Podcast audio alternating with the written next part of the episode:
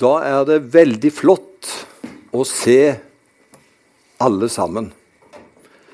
Vi har jo hatt noen gudstjenester live. Og så er det alltid en stor glede å møtes og se dere. Og nå ser jeg at eh, ja, faktisk talt siste sommermåneden er slutt på tirsdag. Så begynner september på onsdag, og det er sånn som vi lærte i, fall i gamle dager, det er den første høstmåneden, september. Men vi har hatt en utrolig flott sommer. Og det er ingen som har hatt behov for å reise bort for å oppleve varme, iallfall. Det har vært enestående, og det er vi veldig glad for. Og så er det godt nå å starte igjen. Jeg fortalte for to uker siden at eh, jeg gikk en tur med Ebbe, og så skjedde det litt av sånn ulykke. Nå er hun på beina igjen, for hun har søndagsskolen i dag. Så, så det har gått bra. Men eh, jeg, jeg, går jo noen turer, jeg kan jo bare ta tak i det der at eh, den beste fenderen min, det er faktisk holdt Ebbe. Eh, jeg må si det, og det opplever vi vel eh, ikke sant, når vi er nære folk, at det er de som kanskje er den beste fenderen. Og det er godt å ha noen som er en sånn en fender. Men eh, vi går jo, prøver å gå en tur ut, for vi har en hund. Så går vi en tur ut iallfall én gang om dagen. Og så var vi en tur en, ja, en tidlig kveld. Og så hun og jeg og, og hunden, da. Og så møter vi en flott utenlandsk familie. Og eh, jeg synes de er så, jeg, jeg elsker at vi har slike kommet til Norge som har andre bakgrunner og andre kulturer. Det syns jeg er så bra. Og så var det en sånn en familie, da, jeg vet ikke hvor de kom ifra, men det var Afghanistan eller et annet sted. Og så hadde de en gutt der. De var to barn og så mamma og pappa som gikk der. Og så han lille gutten. Han var seks år. Og du vet, de er så kontaktskapende. Så han begynte å snakke med oss med en gang når vi gikk der. Aldri møtt dem før. Og så sier han det, vet du. Til meg, da. Er du ute og går med dattera di, sa han. Og du vet at uh, Ja. Da ble jo plutselig ikke fenderen lenger. Men nå skal du høre. Så um, Jo, hun ble det. For vet du hva hun sier da? Hun griper inn med en gang, vet du. Og så sier hun at Nei, jeg skal si deg én ting. At både han altså, og jeg sa vi er besteforeldre begge to. Og er dere det, sa han lille gutten. Og Da snudde han totalt om, og så ser han på det. Ja, jeg kan se det at du er gammel, sa han til henne, for du er så skrukkete, sa han. så da var hun som var dattera, plutselig blitt ei bestemor som hadde skrukker i ansiktet. Og det var en sånn en herlig gutt, og hun sa det. Betenk om jeg hadde hatt han i første klasse. Det var en sånn en fin, sjarmerende liten gutt som bare sa det som han tenkte på. Og så er det slik med oss. Jeg vet ikke om noen har fått noe mer skrukker i løpet av sommeren eller årene, men vi er pene med skrukker. Og så er vi pene om man ikke har det. For det er sånne ting som uh, vi må leve med. Og det lever vi godt med. Og så var dette da introduksjonen min. Og så skal jeg begynne på det som er tema, som skal være da tema åtte ganger.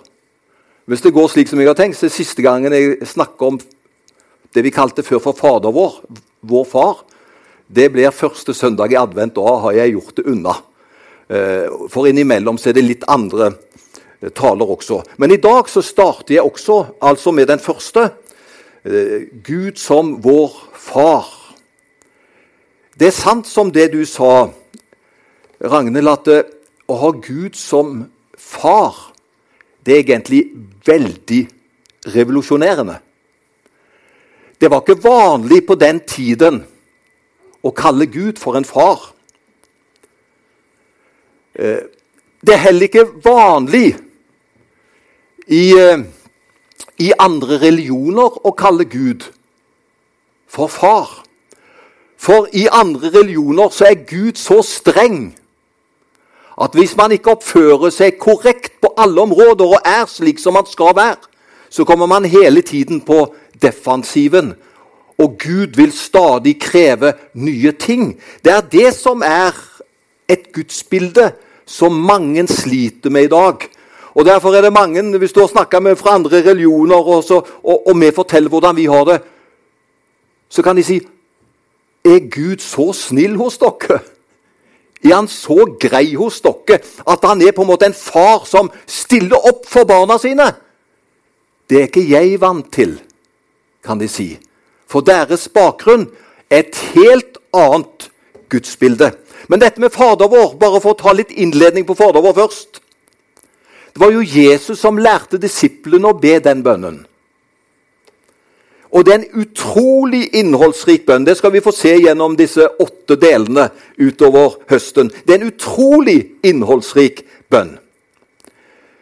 Det er faktisk alt verdens mest berømte bønn. Det er ingen bønn som kan sammenlignes med Fader vår på verdensbasis. Det er den mest berømte og kjente bønnen. Det er også en bønn som er blitt et felleseie blant kristenfolk. Eh, du kan gå i ulike forsamlinger ulike steder, og plutselig så ber alle den bønnen. Det er blitt kristenfolkets felleseie. Ja, til og med ikke-kristne ber den bønnen. Ja, snakka med mennesker, det har sikkert du også, iallfall hørt om mennesker, som ikke trodde var det vi sier innafor. Men når de har vært åpne, så har de sagt at jo, det har vært situasjoner hvor jeg har bedt Fader vår. Jeg syns det er løftende. Det ligger der, for det er planta gjennom det de har fått høre på skolen, gjennom en kultur som var sterkere før. Det ligger der. Og når man er i spesielle situasjoner, så ber man Fader vår. Men jeg håper ikke jeg skuffer noen når jeg sier det jeg sier nå. Fader vår er verken en kveldsbønn eller en barnebønn. Skjønt mange ber den bønnen rett før de skal sove. Og det kan du fortsette med. Fortsett å be Fader vår før du skal sove. Men vår far er egentlig en disippelbønn. Og Det kan du særlig huske når du går fra gudstjenesten i dag. Det er liksom ikke en sånn en eh, allmanneie på den måten at det, den tar vi bare som et ritual når det passer. Det er egentlig en bønn midt inn i et disippelliv. Det er at det disipler Jesus lærte de å be den bønnen. Det er egentlig en revolusjonerende bønn. Og Da er jeg kommet til tall tre i manuset. Det er egentlig en revolusjonerende bønn. For alle troende jøder visste at Gud var skaperen. Han var den allmektige, El Shaddai. Men at Gud var far, var noe helt nytt. Og som jeg sa, andre religioner ber til sin Gud. De ber i frykt at han må godta deres bønner. Og Gud han oppleves ikke som deres gode far. Hvis vi går til Det gamle testamentet, og jeg skal ikke bruke lang tid på det, jeg skal bare bruke et lite bibelord for å illustrere også i Det gamle testamentet blant jødefolket så finnes det et glimt av at Gud er far. Men ikke så sterkt som i Nytestamentet. Derfor skal vi holde oss i Nytestamentet. Men allerede i Det gamle testamentet så får vi et glimt av at Gud er vårt far. Og Derfor leser vi i Salme 103, vers 13.: Som en far er barmhjertig mot sine barn, er Herren barmhjertig mot den som frykter ham. Jeg vil gjerne anbefale deg å lese Salme 103 i Bibelen. Det er fantastisk løfterik, trygg og god salme. Og midt inni beskrivelsen av livet og livets virkelighet så sier salmisten som en far Der kommer far inn.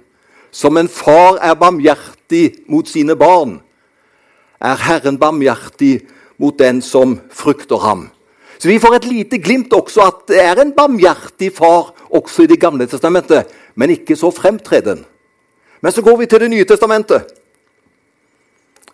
Der er fars bilde så sentralt. Og så står det da i Matteus 6, 31 og 32 Så gjør dere ikke bekymringer.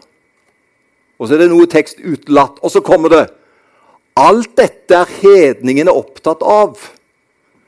Men den far dere har i himmelen, vet jo at dere trenger alt dette. Her løfter Jesus inn en viktig dimensjon til sine. Og Da nevner han at når det gjelder bønn, når det gjelder å tenke på framtiden, så, så, så, så, er menneskene bekymret og har sine veier å gå. Og så sier Jesus alt dette er hedningen opptatt av, men den far dere har i himmelen Det er godt å ha en far i himmelen. Vet alt dere trenger, alt dette. Så går vi til neste skriftsted.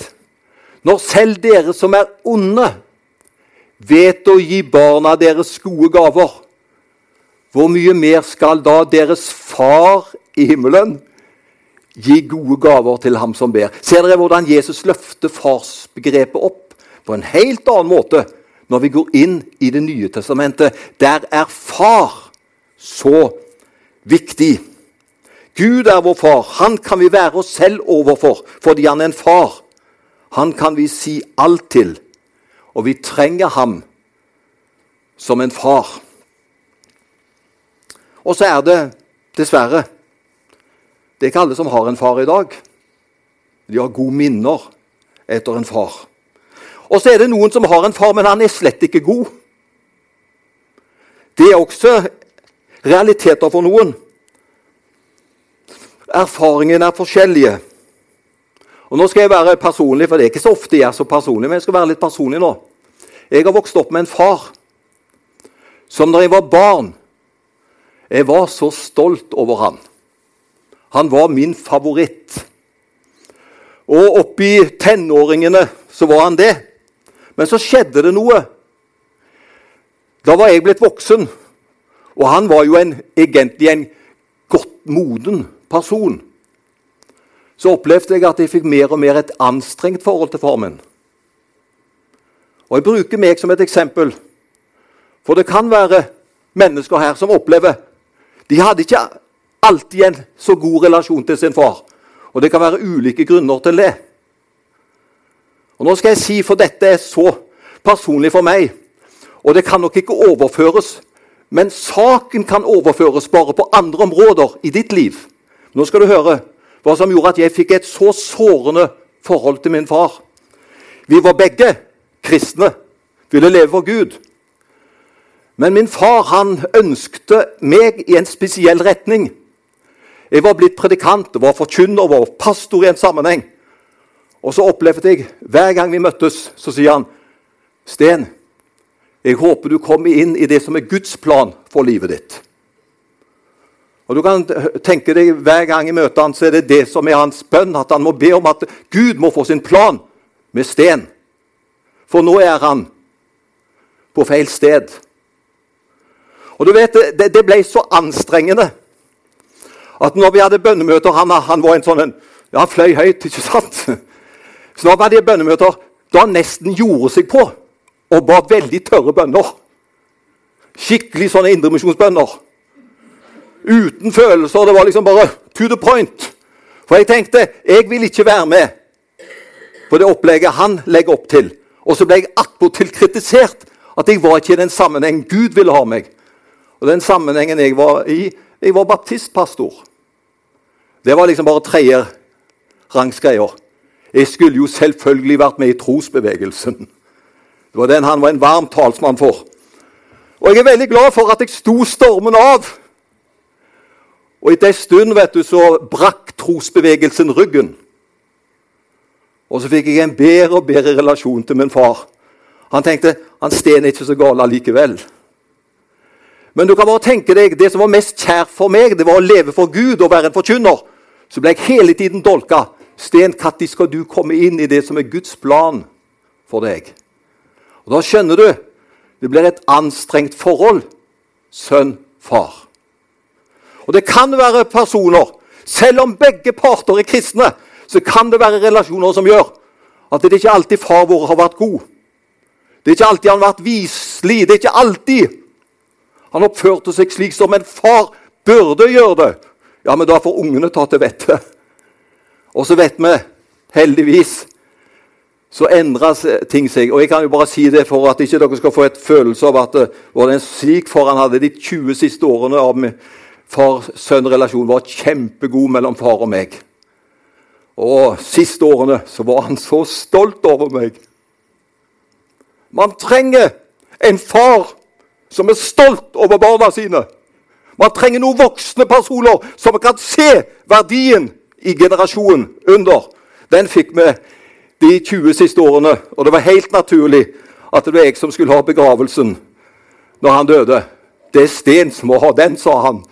For da hadde det blitt en annerledes situasjon. Men jeg bruker litt tid på dette, for man kan leve i relasjoner hvor det er ikke en så god relasjon mellom far og sønn som det burde være. Men heldigvis så ordna det seg. Og hvis du har et anstrengt forhold kanskje til far din eller mor di eller et eller annet, legg det på Gud, og la det ikke knuge deg. Du er flott, du er verdifull. Du skal få lov til å tjene Herren slik som du er. Kan jeg få komme inn med en morsom historie nå, for nå har det vært veldig alvorlig? Og på dette punktet her kan dere lov å le når jeg har sagt det. Er det greit? Du har vel hørt om 14-åringen som sa at faren ikke var så intelligent? Men da sønnen var blitt 20 år, så sier han det er merkelig med han far. Han har hatt en så fin utvikling de siste årene. Jeg syns han er blitt klokere. Så kan vi jo tenke på hvem som var blitt klokere. Men det var jo blitt iallfall mye bedre forhold. Jordiske fedre kan variere, men vi trenger iallfall alle en god himmelsk far. Han er din far, han er min far. Det gir trygghet midt i livet. Og så vil jeg eh, forflytte meg på at eh, Gud er en far, hvor fantastisk det er. Så vil jeg gå til det poenget Han som er i himmelen. At Gud, vår far, er i himmelen, forteller at han har en kolossal utsikt. Tenk hva han kan se ifra der han er. Han ser jo alt med den utsikten. Og så har han kontrollen fra det høye. Og Derfor står det jo bl.a. i Salme 121.: Jeg løfter mine øyne opp til fjellene. Hvor skal min hjelp komme fra? Min hjelp kommer fra Herren, Han som dannet himmelen og jorden. Over fjellene finnes vår far. Han som skapte himmel og jord. Han som skapte alt sammen. Han kan og vil hjelpe oss. Selvfølgelig kan han hjelpe oss. Ingenting er umulig for han. Men at vår Far som er i himmelen, kan se lille meg her nede på jorden Det betyr at jeg bøyer meg i respekt for ham. Tenk at han, den store, den mektige, med den utsikten, med alt som er hans historie Han ser ned på jorden, og så ser han lille meg. Det er fantastisk. Og kan jeg få skyte inn en liten setning? Han som er så stor, han som er så mektig. Er det logisk at lille jeg skal forklare han og si han hva han skal mene? Det er nesten sånn i dag vet du, at det, det er mange som tror at det, de vil gi Gud et godt ord med på veien hans. Så at han kan få en bedre oppfatning av ting. Jeg bøyer meg i beundring for Gud, og jeg gir han rett. Han ser ting ifra den kolossale utsiktsposten. Og lille meg kan vel ikke hamle opp med den visdommen. For det er ikke alltid vi forstår Gud, det har jeg lyst til å si. Men det går an å bøye seg for det, fordi Gud er suveren. Og til slutt For jeg skal ikke tale 50 minutter i dag. Nå går det ned for eh, telling her. Jeg prøver å finne en landingsplass og skal lande straks. Da har vi holdt på i underkant av en halv time. Det syns jeg er ideelt. Det var en tilsynsmann fra Misjonskirka. Han heter ikke tilsynsmann, da, men han hadde en sånn funksjon. Det var forresten Kurt som fortalte den historien. Han sa det at eh, en tale skal ikke være over 22 minutter, sa han. Er det det, så er det av det onde, sa han. Jeg holder på å avslutte, men mitt spørsmål i dag er Hvor bor Gud? Han som har snakket om 'Hvor far, hvor bor han? Hvor er han henne?' Jeg har jo indirekte, og ikke bare indirekte, jeg har direkte sagt at han bor i himmelen. ikke sant? Han som er i himmelen. Men nå skal du få høre Guds to adresser. For Gud kan bo på to steder om gangen. Det står i Jesaja 57, 15 I det høye og hellige bor jeg, og hos dem som er knust og nedbøyd i ånden. Jeg vil vekke de nedbøydes ånd til live og gjøre de knustes hjerter levende. Altså, Gud bor to steder. I det høye bor han i det mektige, og så bor han samtidig hos mennesker som har en sønderknust og nedbøyd ånd. Og Jeg vet ikke hvor du befinner deg. Befinner du deg litt høyt oppe i dag? Ja, det er bra. Eller befinner du deg nære så at du, har, du er nedbøyd av et eller annet? Gud bor høyt der oppe, og han bor her nede hos oss. Det betyr at han er vår far i himmelen. Hjem, kjære hjem. Han som kan virke så langt borte. Tenk du, han kan du invitere inn i ditt liv og inn i din hverdag. Og det er konklusjonen her i dag. Han som er så mektig, det at han er vår far, det forteller om intimitet. Det forteller om nærhet. Det betyr at han ser oss og vet om oss. Alle ting kan vi si til han, og vi kan invitere han inn i vår hverdag. Og Jeg må bare si det før jeg går ned. Jeg trenger Gud, jeg. Du trenger han. Men hvor fantastisk at han vil dele sin tid og sitt liv med alle oss, vår gode far. Vi takker deg, Herre. Du bor i det høye og i det hellige. Men så bor du sannelig også hos den som er knust og nedbøyd i ånden, for å gjøre de knustes hjerter levende. Takk for ditt nærvær. Takk for din velsignelse. Takk at du er hos oss nå. Jeg priser og lover ditt navn.